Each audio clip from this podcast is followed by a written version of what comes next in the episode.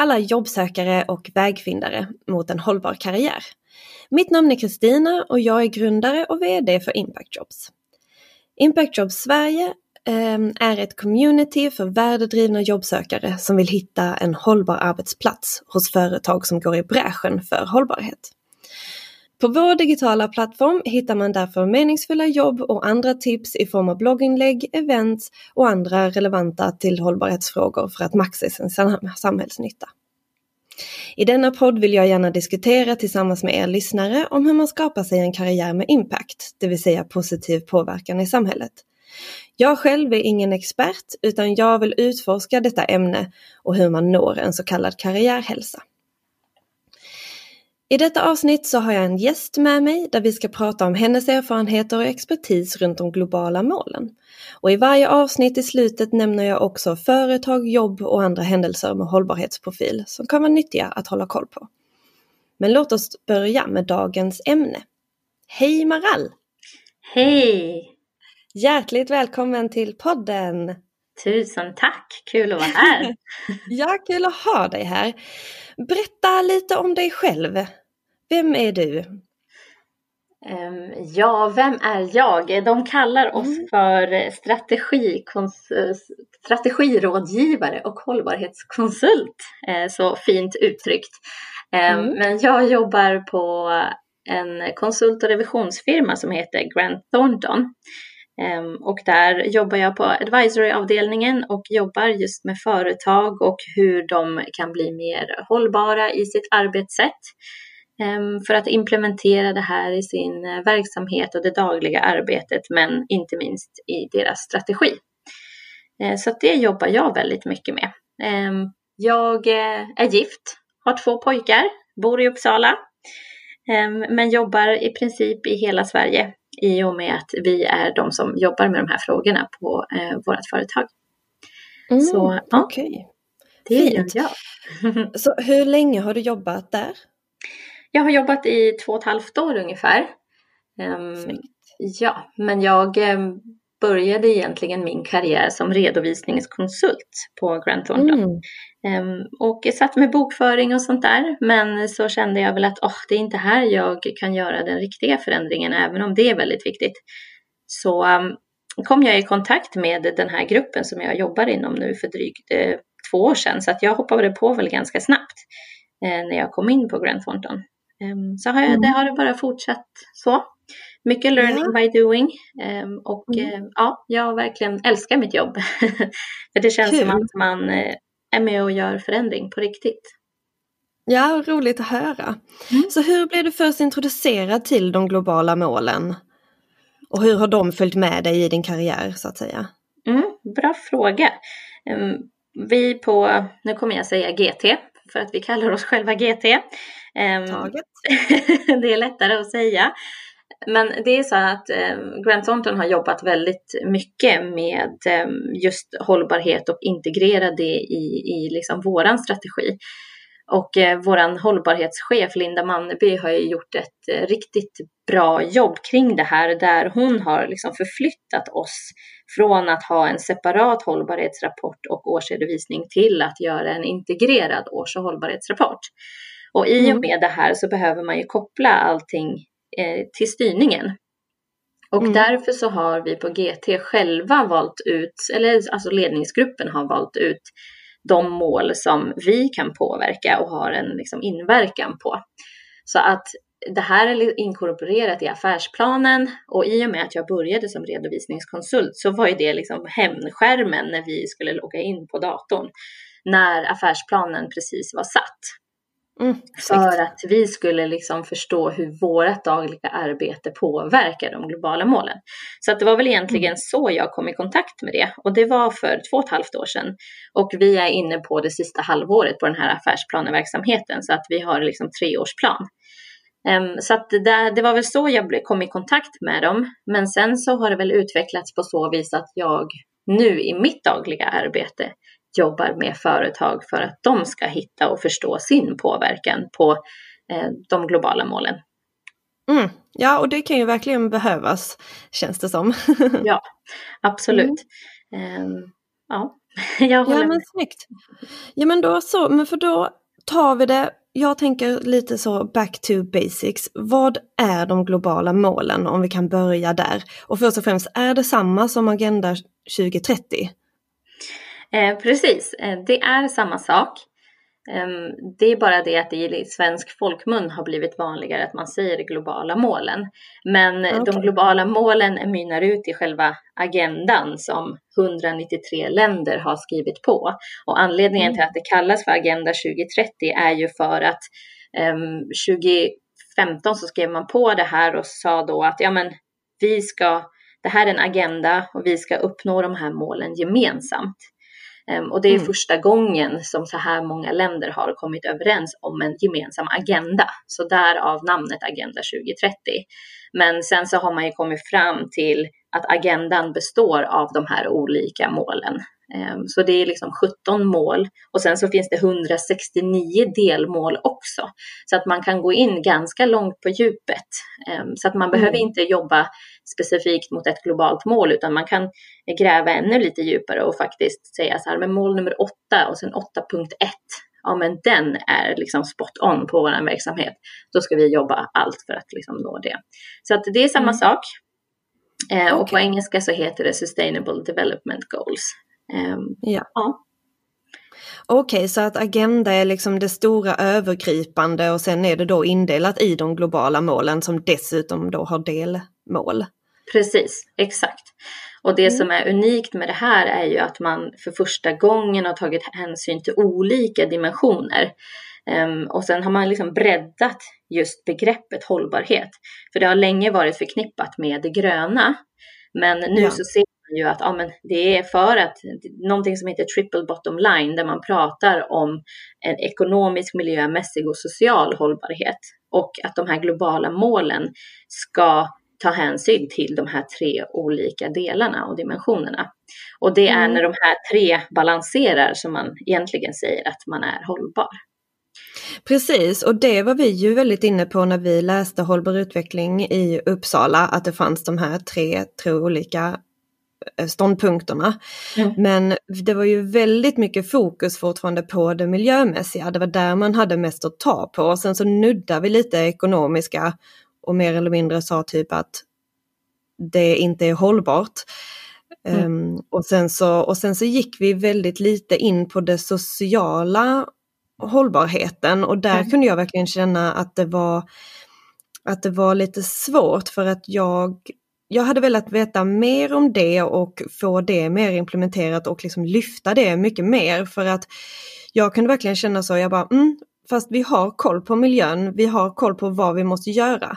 Men om vi inte övertygar människor att till exempel återvinna eller använda mindre plast eller äta mer vegetariskt, då, då kommer vi ju ingen vart. Till exempel. Nej, nej men precis. Och det är ju som, som du säger, för att det har ju varit sånt fokus på just miljö i och med att det är det som många tycker har brunnit i knutarna. Och att det är Mm. där man ser den stora förändringen i och med den globala uppvärmningen och sådär. Mm. Men det man ser nu, som du också efterfrågar, är ju just den sociala hållbarheten och där kommer ju allting in så som medarbetare, men sen så ser vi nu att det har börjat ske ett skifte där eh, man vill ställa krav på företag och att de verkligen har koll på mänskliga rättigheter. För att är det så Mm. att alltså, alla har ju någon form av leverantör i och med att man gör ett inköp. Alltså Mm. betyder det att man har ett inköp från utlandet. Det är ganska vanligt om man har en dator till exempel. Och där Mm. behöver man liksom ställa sig frågan, ja men hur ser den sociala aspekten ut här? Ehm, Finns Mm. det barnarbete? Eh, finns det antikorruption? Eh, respekterar man ojäml- alltså olikheter i det företaget och sådär? Mm. Så att det är på G. säga, ja, du skulle säga att det är på G alltså? Ja, men jag kan Ja. ta ett exempel bara för att som Ja, en grej gärna. på just det här med triple bottom line. Nu är ju Mm. det här bolaget, alltså det är ett svenskt bolag och eh, visst det har funnits ett tag och det här arbetet påbörjade man för ganska många år sedan. Men jag tycker att det är ganska ett bra exempel på att förstå hur man i sitt liksom dagliga beslutfattande kan em, ta hänsyn till de här tre olika dimensionerna. Mm. Och eh, det är bolaget Spendrups. Och uh, de hade det ganska tufft ekonomiskt. Okay. Och deras affärsmodell var uppbyggd på att ja, men, de eh, köpte in ungefär typ 5000 kubikmeter råolja som de hade i en oljepanna som de brände upp för att värma sina lokaler och för att använda liksom, energin till sin produktion mm. av den här ölen. Då. Men ehm, så insåg de, aha, så började de titta på det här. För det, det första man ska göra egentligen när man ska påbörja arbetet med att integrera hållbarhet är ju att titta på sin affärsmodell. Um, mm. Så att de kollar på, på affärsmodellen och funderar så här, ah, vi är ju så beroende av eh, råolja och det här är inget bra för den miljömässiga hållbarheten. Mm. Um, så att de tittade på ett alternativ. Och så hittade de då att om de kunde, att de kunde koppla på som en um, maskin som pressade deras avfall till någonting som heter pellets. Mm. Um, så att det, det var själva restprodukten från, uh, från produktionen. Så att då gjorde de så att istället för att köpa in den här oljan så eh, kopplar de på den här maskinen till själva pannan. Eh, så att när det, avfallet kom ut så pressade man pellets och stoppade in pelletsen istället i den här tunnan. Mm. Eh, som gjorde då att man fick energi, fick värme till sina lokaler. Så att istället ja, för att då köpa in just den här råoljan så kunde man istället använda sitt avfall för uppvärmning och för energi. Um, alltså, men sen det är så, så kul. Ja, verkligen. Men det som ändå är bra också, för här har vi ju den miljömässiga hållbarheten. Men sen mm. om man tänker på liksom den sociala hållbarheten så var det ju så att det de sa att det här beslutet och den här förändringen får inte eh, göra så att vi måste avskeda någon. Eller säga mm. upp folk. Så att mm, förut var det ju så att allt det här avfallet körde de ju till deponier och fick betala en deponiavgift och så hade man egna lastbilar och de som körde lastbilarna. Så att istället för att köra lastbilarna då så um, fick de utbildas i själva produktionen istället. Så att de personerna som körde lastbil tidigare jobbar i produktion idag. Um, och sen ekonomiskt blev det ju mm. det här en, en bra vinning också i och med att de inte behövde köpa in en massa råolja. Och sen hade de inte en massa deponiavgifter och sen kunde de göra sig av med sina lastbilar. Så att här har vi ett jättebra exempel på hur, man, hur ett beslut har påverkat den ekonomiska, miljömässiga och sociala hållbarheten på ett positivt sätt. Och det är det som är själva grejen med triple bottom line. Ja. Ja, vilken insats. Jättehäftigt. Ja, verkligen. Och jag menar, det har funnits ett tag, eller de gjorde ju det här för flera år sedan. Men jag tycker ja. att det är ett så himla bra exempel för att då förstår man verkligen vad det innebär eh, att jobba hållbart. Um. och jag tycker det är ett jättefint exempel på hur man kan göra, alltså hur man, om man bara sätter sig ner och tänker efter en god strategi, hur, hur fantastiskt genomförbart det är att göra en stor skillnad Absolut.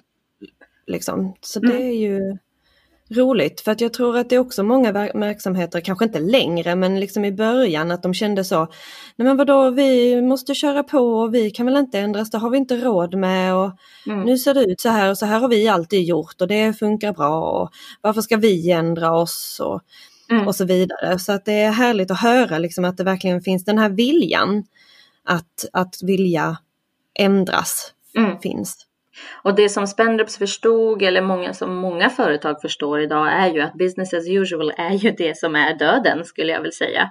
För att mm. intressenternas krav ökar. Um, det blir ju i och med de globala målen så vet vi ju vad vi har skrivit under på. Det här har vi ju sagt att vi ska uppfylla till 2030 och då kommer man just komma med regleringar, man kommer komma med nya direktiv, nya lagkrav för att vi ska uppnå det här om det är det mm. som krävs. Um, lagen om hållbarhetsrapportering kommer ju ut från det här och lagen om, eller Parisavtalet kommer därifrån och sen även just det här att Sverige säger att vi ska vara klimatneutrala till 2045. Det kommer ju också ut från de globala målen. Så att de företag som inte har förstått att det är det här som krävs för att de ska överleva, de kommer ju liksom inte klara sig. Um, Vad skulle du um hur ska man säga, vad skulle du säga är den största drivfaktorn för att för att verksamheter nu har vaknat upp och verkligen vill göra en, en omfattande förändring? Eh, det är ju att man ska finnas kvar. Ehm. Okay. I alla fall vad jag har förstått i, i liksom min yrkesroll. Ehm, mm. och det är ju det här vi också försöker prata om hela tiden. Det är, små och medelstora företag i Sverige har för länge förlitat sig på de stora bolagen och på att mm. de ska driva igenom förändringen. Men det som är grejen med globala målen är ju att alla måste ju göra det de kan för att annars kommer vi mm. aldrig uppnå det här. Um, om, det, om man tänker på stor antal, antalet eh, så är eh, ungefär 95 procent av företagen i Sverige består av liksom små och medelstora bolag medan mm. kanske 5-6 procent består av de här gigantiska bolagen. Så då kan man ju tänka sig i antal om man bara förlitar sig på att eh, SSAB ska minska sina utsläpp men inte de andra 95 procent av små och medelstora företag, då kommer vi aldrig uppnå våra mål. Så att det som är fint är ju att de stora företagen försöker sätta press på de mindre företagen genom att de finns i deras leverantörsled. Ehm, mm. Är du ett byggbolag kanske med 50 eller 100 anställda så kanske du har ett kontrakt med NCC till exempel. Mm. Och NCC har ju ett krav på sig i och med att de är så pass stora att de har ett lagkrav på att de behöver uppfylla en hållbarhetsrapport. Men det alla de stora bolagen pratar om och som de har gemensamt är ju en ansvarsfull leverantörskedja. Och här mm. går ju då underentreprenören in eller underleverantören. Antingen mm. så jobbar man aktivt med de här frågorna och ser till att minska risken för det stora bolaget Ehm, eller så är man med och ökar risken för det stora bolaget genom att man inte jobbar och integrerar eh, hållbarhetsaspekterna i sin övergripande strategi eller sin riskanalys. Och det kommer ju göra att det blir för stor risk för de stora bolagen att använda det här bolaget som en underleverantör. Och då kommer man med största sannolikhet inte få vara kvar. Okej, okay, så att de stora företagen de har ändå tydliga krav på sig rent lagmässigt? Ja, inte i hur man ska sätta mål tyvärr, utan det, det handlar ju om att i och med de globala målen så kom det ett lagkrav kring att man behöver upprätta en hållbarhetsrapport. Är du ett bolag som har en nettoomsättning på över 350 miljoner kronor, om du har tillgångar på över 175 miljoner och om du har över 250 anställda, så behöver du upprätta en hållbarhetsrapport där man mm. pratar om sin affärsmodell. Man pratar om, det finns fyra delar man vill ha med i den här hållbarhetsrapporten och det är miljö. Man vill att man ska prata om den sociala aspekten och sen även mänskliga rättigheter och antikorruption. För att man anser att det här är de fyra liksom, hörnstenarna av lagen för att det driver liksom affärsetiken och hur vi gör business. Um, mm. och i Vad händer det här, om de inte har den hållbarhetsrapporten? Ehm, det är ju ett lagkrav för de stora bolagen. Ehm, mm. Så att de måste ha en sån hållbarhetsrapport. Och förut så har man ju sett att man har bara snackat en massa i den här rapporten. Men lagen mm. säger egentligen att man behöver ha eh, nyckeltal eh, till de här olika aspekterna och man behöver prata om sina risker, sina hållbarhetsrisker. Mm. Um, men där har det varit så där att det har inte riktigt varit jättetydligt och det har inte mm. riktigt medfört några konsekvenser om man inte har följt allt som står i lagen. Nej. Eh, vilket vi tycker är lite synd, så att vi hoppas ju på att det här kommer bli lite mer reglerat. Ehm, Men ser du en skillnad att, att företag börjar ta, börjar liksom ta hållbarhetsrapporten på mer allvar? Ja. ja. Um, förut har det ju varit mer att oh, det här är bara ett pappersdokument som vi behöver få, alltså som en tick in the box. Men mm. nu har man ju förstått att det är ett väldigt starkt, för det första marknadsföringsdokument, men sen mm. också egentligen, det, det vi, våran vision med det jobbet som vi gör på GT mm. är ju att den här rapporten ska ju bara spegla det man gör i sin verksamhet. Det ska ju inte vara mm. tvärtom att man rapporterar och sen så oj, nu måste vi verkligen börja jobba på det. Men så har det varit i och med att många blev lite tagna på sängen när den här mm. lagen kom. Um, mm. Så att det här har ju börjat liksom smörjas nu och man har insett att vi behöver sätta tydliga mål. Vi måste prata om våra risker för att annars kommer inte vi vara trovärdiga i vår kommunikation i den här hållbarhetsrapporten. Så att eh, det är fler och fler som har insett det och det är till och med flera bolag som inte har ett krav på sig som väljer att upprätta en rapport för att de vill konkurrera mot de stora bolagen. Och oftast för de mindre bolagen är det ju mycket lättare att få till en förändring på en gång i och med att mm. de är mindre i alltså färre i antal, det är ett mindre bolag. Man behöver inte sätta igång ett helt maskineri kanske och en flera styrelsemöten och eh, sånt för att få till en förändring, utan mm. Eh, man kanske kan ta en kopp kaffe och säga så här, men hörni, nu får vi ta fram en resepolicy eller nu måste vi sätta de här målen. Så att mm vi vill ju verkligen uppmuntra små och medelstora bolag till att jobba på det här sättet från början för att då kommer det mm. vara en del av DNA. Liksom. Så det har nästan blivit en liten, en liten tävling sinsemellan, lite så här prestige-tävling att ju snyggare hållbarhetsrapport man har desto bättre? Um, ja, lite kanske. Men, eh, alltså jag tänker just för att det handlar om överlevnad. Mm. Absolut, men jag, jag, tror, alltså för våran del blir det ju, alltså, egentligen så handlar det om kärnfullhet. Eh, är ett mm. ord som vi använder ganska mycket för att det är viktigt att rapporten speglar hur du jobbar och inte bara pratar om allt gott man gör. Så att den kan ju vara jättesnygg, men den kanske inte är så kärnfull. Um, och det ser man igenom ganska snabbt ändå. Mm, mm. Eh, så att det gäller ju att, att man pratar om rätt saker i rapporten mm. för att det inte bara ska vara en snygg marknadsföringsprodukt. Men absolut, eh, man har börjat använda det mer och mer i sin kommunikation. Ehm, och många har med det här i sina offentliga upphandlingar också. Ja. ja, ja men där sa du någonting för att jag tänker att det kanske inte alla som vet vem, vad har man den här hållbarhetsrapporten till sen och vem läser den till exempel?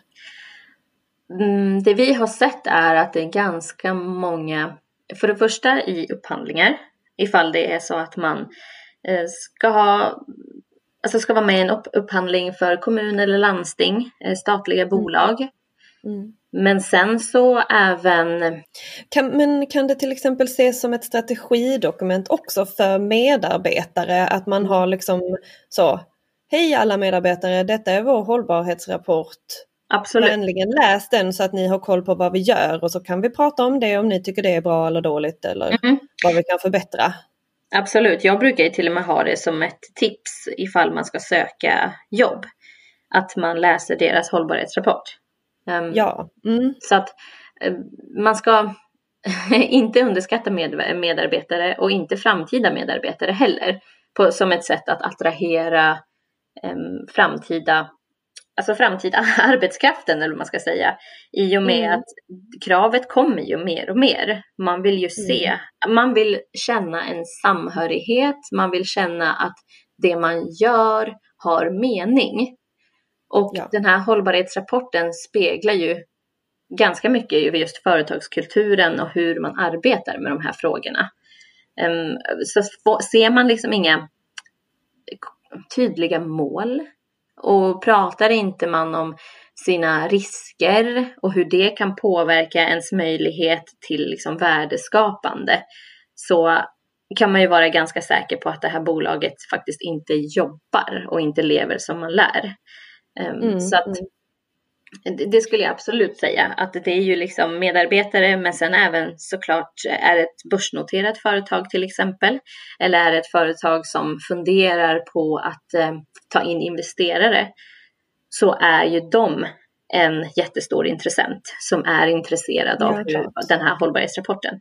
Så att det beror ju på liksom vilken verksamhet man bedriver. Um, mm. Vi försöker liksom få mansintensiva arbetsplatser till att kanske inkorporera mera mjuka värden i hållbarhetsrapporten för att på så vis försöka attrahera liksom fler kvinnor. Um, så att det inte ska låta så hårt och kanske så liksom manchauvinistiskt utan att man mm. behöver visa att man faktiskt jobbar aktivt med de här frågorna och att det är viktigt och att jämlikhet är ju otroligt viktigt för att verksamheten ska må bra. Mm. Och på så vis försöka attrahera fler kvinnor till exempel. Mm.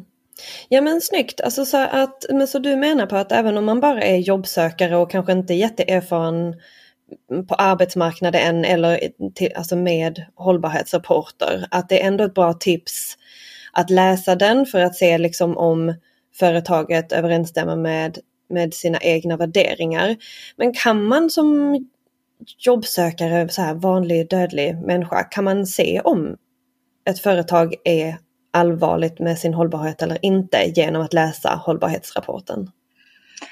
Ja, till viss del skulle jag säga. Um, mm. Men det, det är liksom tydligaste tecknet på att man inte faktiskt aktivt jobbar med det.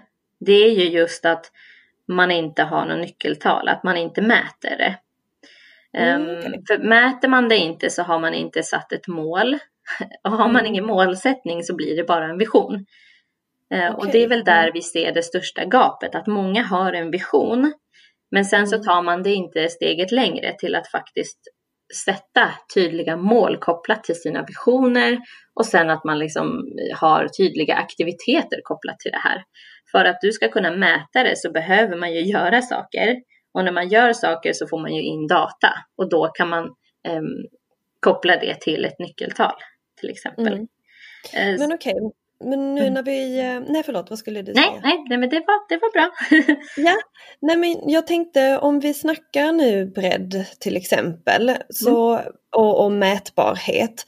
På vilken skala kan man arbeta med dessa mål? Alltså jag tänker så här lokalt, globalt, glokalt mm. och så vidare. Ja, ehm, det beror ju på storleken och typen av bolag. Ehm, är det så att eh, vi pratade om det lite tidigare, har man ett produktionsbolag med tillverkning utomlands, med fabriker utomlands, då det kräver ju en helt annan styrning skulle jag säga och koll och kontroll eh, i och med att ehm, påverkan går långt utöver gräns, de svenska gränserna. Mm. För att här behöver man då ställa sig frågan hur gör vi för att säkerställa att det är goda arbetsförhållanden för medarbetare på fabriken till exempel? Mm. Hur kontrollerar vi att det inte finns några barn som jobbar på de här fabrikerna? Så att det... precis, för att det var ju mycket snack om det tyckte jag för ett tag sedan, just att de här större företagen menade på nej men de, att de bara sa nej men vi kan inte ha koll längst ner i ledet. Vi kan inte ha koll var våra saker kommer ifrån eller hur de produceras eller um, och så vidare. Men har den inställningen ändrats? Inte jättemycket, men vi ser ju att intressenternas krav eh, börjar ah. driva den här förändringen. Och ja jag ska säga så här, det där är en jättesvår diskussion och en het debatt för att frågan man ställer sig är hur långt går mitt ansvar? Hur, ska jag, hur många led ska jag behöva ha koll på för att kunna säga att jag har kontroll i min leverantörskedja? Det som ja. är är ju att vi vill ju se, man vill ju se en snöbollseffekt lite grann. Att jag mm. som företag, jag ställer krav på min underleverantör där jag gör revisioner, jag åker dit, jag kollar hur ser det ut och de här, den här underleverantören ska i sin tur göra samma sak för sin underleverantör och den för sin underleverantör. Så att det man vill se är att alla ställer samma krav som, mm. jag vill säga att jag är liksom huvudbolaget och sen så ställer jag krav på bolag nummer två. Då vill man ju att det här ska ge en snöbollseffekt så att trean har koll på fyran, fyran på femman, femman på sexan och sådär. Mm. Um, så att det är väl där man kan göra den riktiga förändringen. Men jag skulle i alla fall säga att man har ansvar i alla fall två led ner mm. till att hålla koll um, i sin verksamhet. Ehm, Men och det tror jag också är någonting som kommer i alla fall, alltså i alla fall kan jag känna så personligen, att jag köper ju om jag får välja mellan två olika, säg tvål. Om Mm. jag vet exakt var det kommer ifrån det ena och, och det är lite dyrare och det andra är lite billigare men jag vet inte alls hur det är gjort, vad, vad det innehåller eller var det kommer ifrån. Då är jag ju absolut villig att betala ganska mycket mer för det tvålet som jag har koll på. Mm. Och det tror jag, för det, och det tror jag verkligen är en förändring i hela samhället, att det sker verkligen en ökad medvetenhet om alltså hur, hur skadligt business as usual är. ja, Och att man kan förändra det och att man är villig att stötta de företagen som försöker gå därifrån. exakt, precis. Och, där, och det, kommer ju, det kopplar ju an till, har man inte produktion i utlandet till exempel, låt säga att man är ett tjänsteföretag som agerar ganska lokalt, Mm. Ehm, så har man ju fortfarande en viss påverkan i och med att man gör en del inköp.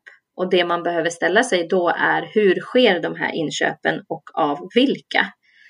Ehm, hur säk- säkerställer jag min, eh, mitt leverantörsled exempelvis? Ehm, Mm. Men sen även kopplat till kunder skulle jag säga. Eh, Där kan man också påverka både lokalt och globalt där man väljer vilka man har en affärsrelation med. Och det vi brukar Ja. prata om är att man liksom ska se sina leverantörer och sina kunder som en samarbetspartner egentligen. Där man driver förändring tillsammans. Um, Mm. Vissa är så här, ah, våran målsättning också på GT är ju så här, vi tar oss hellre an ett bolag som är sjukt anti det här och tycker att ah, men hållbarhet det är bara en fluga. Em, för att sen kunna faktiskt driva förändring och få dem att vilja, att förstå. Ja. de är ganska, de, de ja, sätter emot i början. Men sen ju mer vi jobbar och pratar om vikten av det här så trillar poletten ner. Och Ja. det är så himla häftigt att se. Em, så att det är därför som jag, vi tror att det är viktigt att man man ska inte underskatta partnerskap och hur man kan förändra varann. Em, Mm. faktiskt. Så att det, man kan göra förändring både lokalt och globalt skulle jag säga. Eh, men Mm. som sagt beroende på vilken, eh, vilken bolagstyp man har och hur eh, själva affärsmodellen ser ut. Vad brukar vara era största så här övertalningsmetoder? Alltså finns det någonting som som, ehm, alltså, som ni säger och sen där poletten trillar ner för företagen? Är det liksom, är det alltid att nej men detta är faktiskt lönsamt? Eller är det så detta är faktiskt vad som händer, detta är faktiskt konsekvenserna om vi fortsätter? Eh, både och skulle jag säga. Em, Mm. I och med att vi ändå tillhör en konsult och revisionsfirma och alla vi konsulter i min grupp har ju ändå en bakgrund som ekonomer. Så Mm. vi förstår ju, man vill ju alltid se lönsamhet. Och det är klart att det här initiativet och om man ska börja jobba med det här, ja, det kommer kräva resurser och det kommer kräva pengar i början. Men det kommer att löna sig i slutändan genom att man får bättre relationer med sina kunder, man får bättre relationer med sina leverantörer, vilket gör att det här bolaget kommer ju att bli valda framför det bolaget som inte jobbar på det här sättet.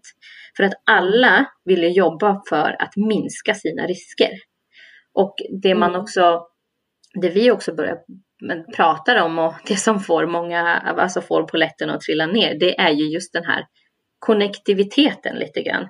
Och förstå Mm. att, ja men om vi har jättemånga dödsolyckor på våran, i vår produktion, ja, det kommer ju leda till att vi måste stänga eh, tills utredningen är klar, vilket gör att vi minskar våra intäkter. Ja, och vad leder det till? Jo, men det leder ju också till kanske sanktioner, det leder till skadestånd, det leder till att man får liksom försvagat varumärke, som sådana saker. Men om man istället jobbar aktivt med det här och faktiskt följer upp, ja men varför har vi arbetsplatsolyckor? Jo, men det beror på att den där lådan står där hela tiden. Eller att, ja men det är den där säkringen där, oh, som gör att alla får elstötar. Ja men sådana saker. Så att man, tyvärr är det så att när man ser en, en koppling mellan intäkt och, liksom, och en, en hållbarhetsaspekt, Då är det Mm. lättare att förstå. Men det är just den, den kopplingen vi vill att man ska fatta också. Men jag hoppas verkligen att exakt samma kommer till alltså utmattning och stresssyndrom. Alltså för, för att folk, att poletten trillar ner även där att okej, vi kan kanske hindra att vi har vad, 20 procent av vår- arbetarkår, de är sjukskrivna just nu för Mm. att de har gått in i väggen. Mm. Ehm, kan, vi, kan vi hindra detta? Kan vi, eh, liksom, kan vi göra någonting åt detta? Att det blir samma sak att, att man ser fördelarna med att jobba med att investera i eh, prevention. Mm, absolut. Och det, det är ganska intressant för att vi hade intervju med ett företag förra veckan där de just påtalade det, det här. Och det är ett byggbolag och de Mm. eh, har sagt, eh, så pratat jättemycket om att men vi har ändå koll på arbetsplatsolyckor och vi har inte så mycket sådana eh, inrapporteringar. Men det vi såg för tre år sedan var ju att det var många som var sjukskrivna på grund av liksom psykosocial ohälsa. Och eh, då när de faktiskt tog tag i det här så visade det sig att det var på grund av en viss person. Eh, Så att Oh, då wow. valde man att man att ja, men, ta bort den här personen från verksamheten och efter det så har sjukskrivningarna minskat dramatiskt. Eh, Så att absolut, alltså man behöver ju få koll på sjukskrivningar och varför, alltså anledning och orsaken till varför man är Ja sjukskriven. men verkligen, kanske så här steg ett, sopa det inte under mattan. Nej, nej men precis. Som det känns att det är många som gör det för att de tror att det är det lättaste steget. Ehm, Men det är det ju inte, man bara samlar ju på sig Ja, mer problem. exakt. Och det är ju samma sak där i en hållbarhetsrapport kan man också utläsa. Eh, om du Mm. som framtida medarbetare är intresserad av att söka till ett visst bolag. Eh, titta inte på hur många olycksfall som har skett på arbetsplatsen. Såklart att det är ju, ligger man långt över medel, ja men då är det en varningsklocka. Men har man liksom några procent som är ganska vanligt eh, så är det ju fine. Men det man behöver titta på är hur de pratar om vilka åtgärder man har utfört. Hur har man eh, gått till botten med det här och eh, vad har man liksom satt in för processer och styrningar för att minska eh, de här olyckorna. Mm. Ja men precis, jag tycker att vi går snyggt in på, på nästa fråga som jag undrade över. Mm. Hur implementeras då dessa mål i, i verksamheter? Mm. Alltså det, det första man behöver göra, alltså den frågan vi alltid ställer företagen, eller det första vi gör när vi träffar bolagen, det är att titta på deras affärsmodell. Och det är lite samma sak man behöver göra alltså här också, oavsett om du kanske är en medarbetare som vill göra förändring eller ifall du vill förstå eh, företagets verksamhet. Så behöver man titta på affärsmodellen. Vad är det för resurser jag är beroende av? Um, för då ser man vilken påverkan man har. Är det en energiintensiv verksamhet? Är det en verksamhet som är beroende av medarbetare till exempel? Så, titta, så man liksom tittar på sina resurser för att förstå sin påverkan. Och den här Mm, påverkan. nuläget liksom. Ja, exakt. Mm. Och det är ju den här påverkan som man då kan koppla till de globala målen. För att är det liksom en in, energiintensiv verksamhet, ja men då påverkar vi ju de mål nummer sju på ett negativt sätt. Och hur Mm. kan vi då vrida i våran affärsmodell för att ja, alltså få den mer energieffektiv för att minska den negativa påverkan på mål nummer sju. Ehm, och sen så tittar man också såklart på den positiva påverkan. Ja, men säg medarbetare, att vi är jätteberoende av våra medarbetare. Och vad gör vi för att öka vår liksom, positiva påverkan på kanske mål 8 som är liksom, anständiga arbetsvillkor? Ska Mm. vi eh, vara den mest attraktiva arbetsgivaren till exempel? Och sådana Ja. saker. Så att man liksom kopplar eh, sin positiva och negativa påverkan på globala målen. Ja, Men ja, det så man- man ser inte bara sina utmaningar utan också sina eh, Möjligheter. Ja, precis. Exakt. Men sen så Mm. det man behöver göra är också att man tittar på sin eh, verksamhet och tänker så här. Det- man behöver göra är att man faktiskt verkligen pl- plockar ut de globala målen som man kan påverka genom att titta på just resursen. Vilka påverkar vi? Jo, de här. Då är det ju de vi kan jobba med. Man ska inte Mm. liksom välja ja, men det här marina livet Eh, mm. Ifall du är ett tjänsteföretag som säljer ekonomitjänster. För det, du kan inte, det är inte relevant eh, för dig. Eh, men det många gör tyvärr som blir lite felvänt, det är ju att man plockar ut globala målen och sen så sätter man mål kopplat till det. Men det kanske inte ens är relevant för din verksamhet. Så det man behöver göra är ju sådär, om man tänker att det är en triangel, att mm. verksamheten är en triangel och högst upp så har du ju visioner och dina målsättningar. Så att mm. det man behöver göra är att titta så här, men vad är min vision? Jo, men min vision är ja, ja, nu tar jag vårt egna eh, GTs, men det är för att verka för ett välmående näringsliv. Ja, okej, okay, det är vår vision. Men vad är målsättningen då? Jo, men mm. vi vill ju eh, vara en attraktiv arbetsgivare. Vi vill minska våra utsläpp med så här många procent. Eh, och sen så behöver man ju sätta tydliga aktiviteter till det här. Och sen mm. utifrån det då kan man koppla på, ja men vilka globala mål påverkar det här då? Och då kan man liksom pytsa in de globala målen för att liksom se eh, vart, det, liksom, vart de hör in. Eh, så att man genom sin verksamhet tittar på ja, men vilka mål påverkar vi. Inte så här att ja, men det här verkar snyggt, ja, men det här målet är schysst, jag tror att jag tar det. Ja, men det låter väl bra med marina resurser eller ja, men mm. minskad klimatpåverkan. Ja, men så kan vi ju sätta mm. något mål där. Så att det är väl lite mm. det, man, man blir, går, ibland går själva bakvägen. Mm. Jo, men precis. Vad är målens styrkor och svagheter då? Ehm, styrkorna är just att det är ett gemensamt språk som all, i princip alla känner till. Mm. Ehm, det gör, och det gör ju att liksom företag, länder, samhället kan prata kring det här och agera tillsammans. Eh, men sen också att man liksom förstår syftet med det. Man ser kopplingen mellan de olika målen. Ehm, man brukar ju säga att de globala målen är världens affärsplan. Mm -hmm. Vi kan i princip förutse vad som kommer att komma de närmsta tio åren. Förut kunde man ju inte, om man för 20 år sedan frågade någon så här, ja ah, men vad tror du det kommer komma för krav kring klimat eller kring mänskliga rättigheter? Det var så här, äh, jag har ingen aning. Men mm. idag så har vi ju skrivit under på att vi faktiskt ska eh, uppnå det här. Och ja. det man säger nu från 2020 till 2030 är att vi befinner oss i någonting som man kallar för the decade of change. Så att här lagstiftare och politiker kommer ju göra sitt yttersta för att vi faktiskt ska nå det här. Mm. Eh, så på så vis är det ju bra eh, i och med att man lite grann, inte, man kan inte förutse liksom framtiden, men lite grann att man förstår vad som komma skall. Ehm, mm. Och sen så är ju de utformade på sådant sätt att man ändå förstår och att det har ju breddat begreppet kring hållbarhet. Eh, även om många fortfarande kopplar hållbarhet till det gröna så mm. förstår man ändå att för att vi ska kunna um, minska fattigdomen eller hungern i världen så behöver vi ha utbildning. Um, ja. Och för att vi ska kunna minska vår klimatpåverkan behöver vi ha utbildning kring vad det faktiskt innebär. Så att man liksom ser konnektiviteten mellan målen. Så att det skulle jag väl säga är liksom de största eh, styrkorna. Eh, mm. Svagheten är ju just det här, det är lite så här pick and choose fortfarande. Mm. Och ja. många eh, väljer det som är liksom lågt hängande frukt och känner ja, ja. så här, ah, men det här låter ju nice, vi kör på det här.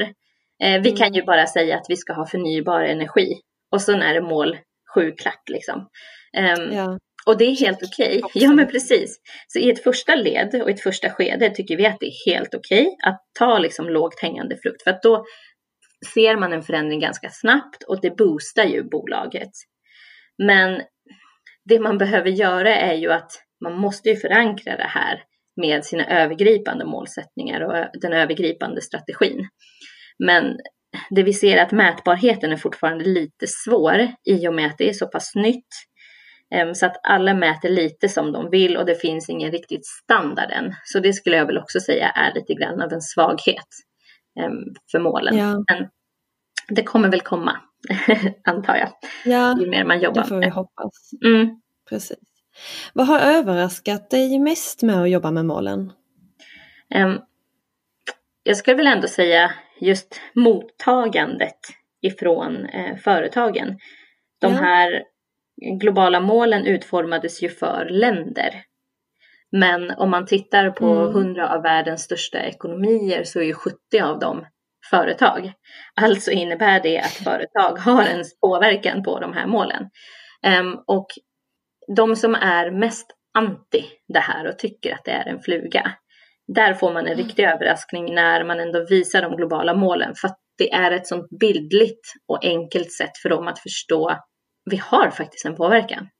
Även, Ja. kanske jag låter lite krass, och, eh, men även liksom den här mannen, 65-åriga mannen som kanske har jobbat som lastbilschaufför i hela sitt liv och som tycker så att "Ah, men det här är bara bogus.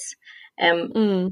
när den personen också inser, tack vare globala målen, att man faktiskt har en påverkan, det är ändå väldigt häftigt. Så att det, det är liksom en stor överraskning skulle jag säga. Ja. och en annan del är ju just att vilket effektivt och enkelt verktyg det ändå är för att förstå sin affärsmodell och förstå sin affär och, och förstå om den är uppbyggd på ett schysst och liksom resilient sätt. Em, Ja. så det är väl det jag skulle säga har väl varit mest överraskande. Och sen vilket genomslag det ändå har haft. Em, Mm, sant. Absolut, alltså det är ju ändå mm, de flesta har ju ändå hört om de globala målen och sen kanske Mm. är det ju då en skillnad på kanske hur djupt man har gått in på det men alla har ju ändå, har ju ändå lite koll eh, Ja, kan jag tänka mig. Och nu har även Impact Jobs lyssnare ännu mer koll. ja exakt. Jag hoppas det. Bra. Jo men jag tycker att vi har, det har väl varit ganska genomgående min nästa fråga men jag ställer den ändå så här rakt ut och så kan vi ta det därifrån. Ja. För jag tror det är många som undrar, många känner till de globala målen och Mm. jag tror att den största frågan för oss lekmän det är ju, ja men hur mycket är snack och hur mycket är verkstad? Gör verkligen ver- verksamheter allt det de ska göra? Mm. Ehm, och det är ju verkligen jätteblandat.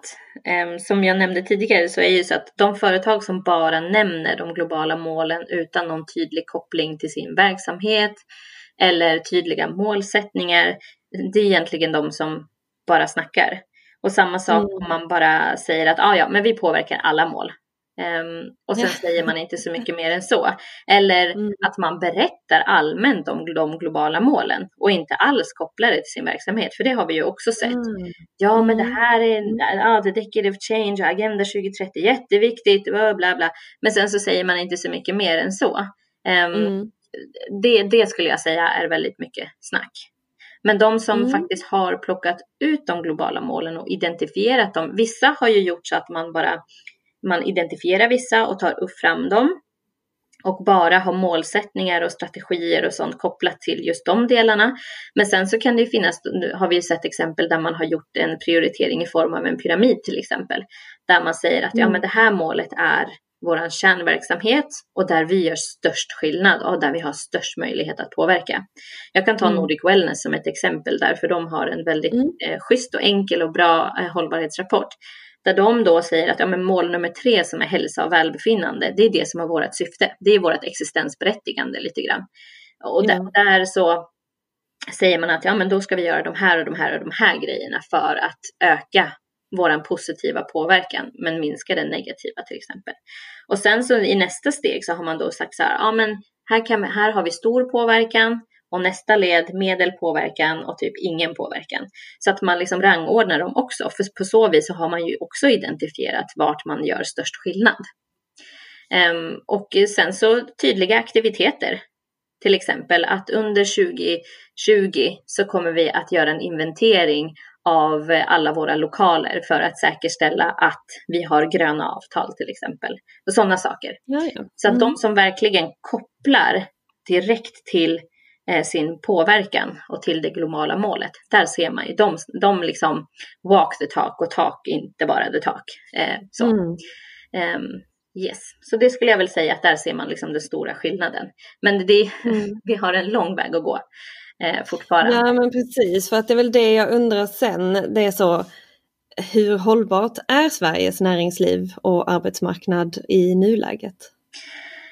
Skulle du fråga en föreläsare på en utbildning som jag var på förra veckan så skulle mm. han säga att det är kört. um, han, var, ja, men han var verkligen han är så pessimistiskt inställd i och med att han är akademiker och eh, han kände så här att ah, vi gör inte tillräckligt. Och Haga-initiativet de släppte en rapport i våras eh, som jag ändå tycker speglar hans tyvärr pessimistiska eh, synsätt ändå ganska bra. Eh, mm. För att förändringen sker i för långsam takt. Och mm. Eh, Haga-initiativet tittade på 100 av Sveriges största börsbolag där bara 20 av dem har satt tydliga mål kring att halvera sina utsläpp. Um, och 39 av dem hade någon form av miljömål men det var inte så här jätteförankrat eller tydligt. Uh, men 41 procent saknar det här helt och det här är liksom stora wow. börsbolag som ska vara föredömen för de andra bolagen. Mm. Så att det gör ju lite grann att om inte de visar eller föregår med ett gott exempel så kommer ju de mindre bolagen känna så här, ah, ja men gör inte de det, varför ska vi göra det? Det spelar ju ändå mm. ingen roll. Mm. Så att på så vis skulle jag säga att vi har en bit att gå, men det här jag tror att man har in, börjat inse allvaret nu. ICA-gruppen har ju också sagt, man, det finns ju en organisation som heter Science Based Target. Mm. Där man sätter ett klimatmål baserat på vetenskapen som i sin tur är baserad på en, ett internationellt ramverk som heter Greenhouse Gas Protocol. Det är liksom en standard för hur man ska räkna och mäta sina utsläpp. Och mm. eh, ICA-gruppen har ju gjort den här, eh, de har kollat i sin värdekedja. Vart har vi vår största påverkan? Och där de har sett att ja, men det sker i inköpsfasen i och med att de mm. inte har så mycket produktion. Så då har ju de sagt så här, men hur ska vi kunna eh, minska våra utsläpp? Jo, genom att mm. sätta press på våra underleverantörer. Mm. Ehm, så att de har ju i sitt mål då formulerat att de fram till 2025 kommer sätta krav på 70 procent av sina största leverantörer att de själva måste mm. sätta ett klimatmål. Och gör man inte det så får man inte fortsätta leverera till ICA. Så att även om ens egen, egna verksamhet genererar små utsläpp mm. så kan det ju hända att man i sitt leverantörsled har stora utsläpp till exempel. Mm. Um, så att det handlar ju om att förstå just den här påverkan uh, man mm. har och ja, vart jag, man har den.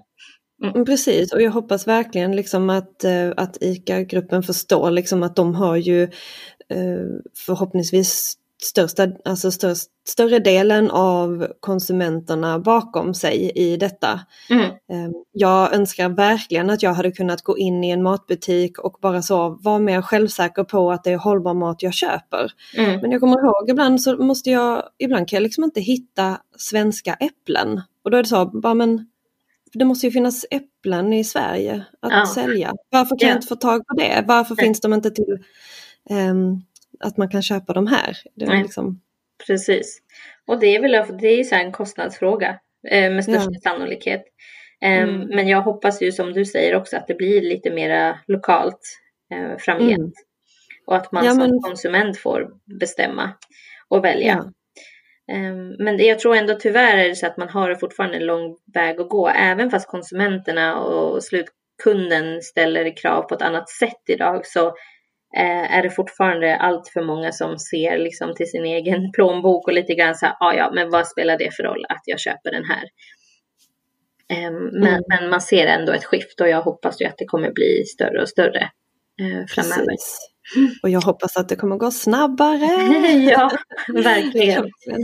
ja. Så, ja, men Schysst, jättesnyggt. Tack så mycket Maral. Ja, men, um, vi, går in, ja, vi går in lite på den sista frågan. För att vi har ju till och med fått in en lyssnarfråga som jag tycker är lite kul. Eh, och det är vår gemensamma eh, kontakt Emelie som har skrivit. Och hon skrev till mig och hon, hon säger så här. Jag tänker spontant att det säkert är intressant att prata om hur företag kan använda de globala målen för att attrahera rätt sökande till sina tjänster.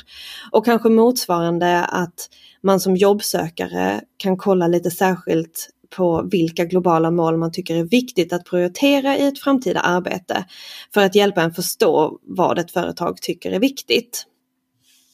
Så hur tänker du, eh, hur tänker du kring den frågan? Alltså rent spontant så är det ju så att den största utmaningen är ju att skilja på ens personliga värderingar och åsikter och um, företaget och verksamhetens där. Um, absolut att man kan använda det för att um, attrahera framtida medverkare men man kan inte sätta, man kan inte prata om de globala målen eh, för att attrahera medarbetare om de inte är väsentliga eller är relevanta för företaget. Eh, för mm. då tappar man bort sig helt. Eh, mm. Tanken är ju att man ska förstå vilken påverkan som verksamheten har på de här målen. Mm. Um, och sen så är det ju samma sak med just prioriteringarna där som man pratade om. Att vi måste tyvärr lite grann bortse från våra personliga åsikter i det här också. Absolut mm. att det är viktigt med marina liv, men har inte vi någon påverkan på den med vår verksamhet så är den inte relevant. Så att man behöver titta på just relevans där. Um, och som framtida medarbetare och titta på de globala målen. Så att jag skulle vilja säga snarare att man kanske får använda de globala målen på så vis att man tittar så här, men vad är det här för verksamhet? Är det här en verksamhet som jag kan stå bakom och som jag kan känna mig stolt över? Um, mm. På så vis använda de globala målen för att få en igenkänningsfaktor till exempel. Mm. Ehm, skulle jag nog säga. Um, mm. Absolut, men jag tror ändå såklart det är ett bra verktyg. Uh, de flesta känner till dem. Um, dagens studenter läser om de här globala målen så att det är ett, ett smart sätt att um, få framtida medarbetare att förstå verksamheten. Absolut. Mm. Mm. Men sen beror det på hur man använder dem. Så att det inte bara mm. blir floskler som sagt. Utan Nej. att det faktiskt blir på riktigt. Utan att man, man väljer ett par stycken och kopplar dem noga till verksamheten och gör det tydligt, den kopplingen. Ja, precis. Mm. Mm. Ja men kul, det låter, det låter um, bra. Men då så, tusen tack, då närmar vi oss slutet. Ja men tack själv. Uh, är det någonting du vill tillägga med allt vi har uh, täckt idag? Jag tror inte det det är så himla Nej. brett ämne och man kan prata om ja. det hur länge som helst. Ja, vi, så vi kanske det... ha ett eh, uppföljningsavsnitt så småningom. Ja. ja. men precis, det kan vi säga till alla våra lyssnare att eh, mejla in om ni har följdfrågor på allt detta vi har pratat om. Kan ni mejla till kristina impactjobs.se i så fall. Så då kan vi eh, antingen ha något eh, uppföljningsavsnitt eller så eh, ser vi till bara att posta det på, på Facebook-sidan till exempel eller något liknande. Men frågor är alltid välkomna. Absolut. Ja, men kul! Då bara som avslutningsvis så vill jag lyfta två företag eh, som på sina sätt då jobbar mot en bättre framtid. Det första är Panta på, ett företag som försöker ändra hur vi ser på skräp och för att tänka att om vårt skräp har ett värde, det vill säga pant, är det då längre faktiskt skräp? Så att man kan genom Pantapås app kan man panta fler och fler förpackningar och det tycker jag är ju ett eh, grymt steg mot en mer hållbar framtid. Och de har för tillfället sex lediga tjänster, alla i Stockholm. Så håll koll eh, på deras hemsida eller i Stockholmsgruppen, vid, alltså Impact Jobs Stockholmsgrupp vid intresse. Det andra företaget vi tar en snabbkoll på det heter Tibber och de säger själva på deras hemsida att kraften i deras app ligger i tekniken bakom den. Tibber har skapat en unik digital plattform för att köpa el, vilket gör möjligheten att köpa förnybar el till ett lägre pris än från den traditionella elleverantören. Och de har dessutom inga marginaler på deras elpriser. Så att en fördel du drar nytta av varje timme varje dag. Så det är lite kul, de försöker nog röra runt i ellandskapet, vilket eh, alltid är välkommet. Och de har just nu fyr, nej, fem lediga jobb. Och de kommer också komma i Stockholmsgruppen nästa vecka. Så håll koll där eller på deras hemsida såklart. Till sist vill jag bara nämna en liten snackis som kom ut här om dagarna. Det var EU-kommissionens senaste offensiva klimatpolitik där eh, jag lämnar en länk ehm, till avsnittet. Men bland annat så har det kommit nu upp ett, eh, ett föreslag att minska utsläppen med 55 procent istället för 40 fram till 2030. Vår förhandsgranskning har visat att ekonomin och industrin kan och vill klara av det här, säger kommissionsordföranden Ursula von der Leyen. Så det tycker jag ändå är positiva nyheter att de att liksom hela EU och EU-kommissionen är villiga att föra oss framåt och har ambitiösa mål. Så får vi bara hoppas att de kan ro det i land också, eller vad säger du Maral? Absolut, eh, jag håller med. Eh, det blir ju, ja, jag, eh, det är sånt här som krävs eh, för att vi ska driva på förändring, skulle jag säga. Man behöver ja, sätta så. Ambitiösa mål, även fast man ja. vet att det kanske kommer vara svårt att nå. Men hellre det att man liksom siktar mot stjärnorna än att man bara kör något halvhjärtat och känner så här, ah, det här har vi klarat, yes, nu har vi gjort vårt. Um, mm. Så att jag, jag håller med, man, man, behöver strama åt men sen även um, bli mer ambitiös um, i, i sitt liksom, ja, agerande. Ja, precis. Well said.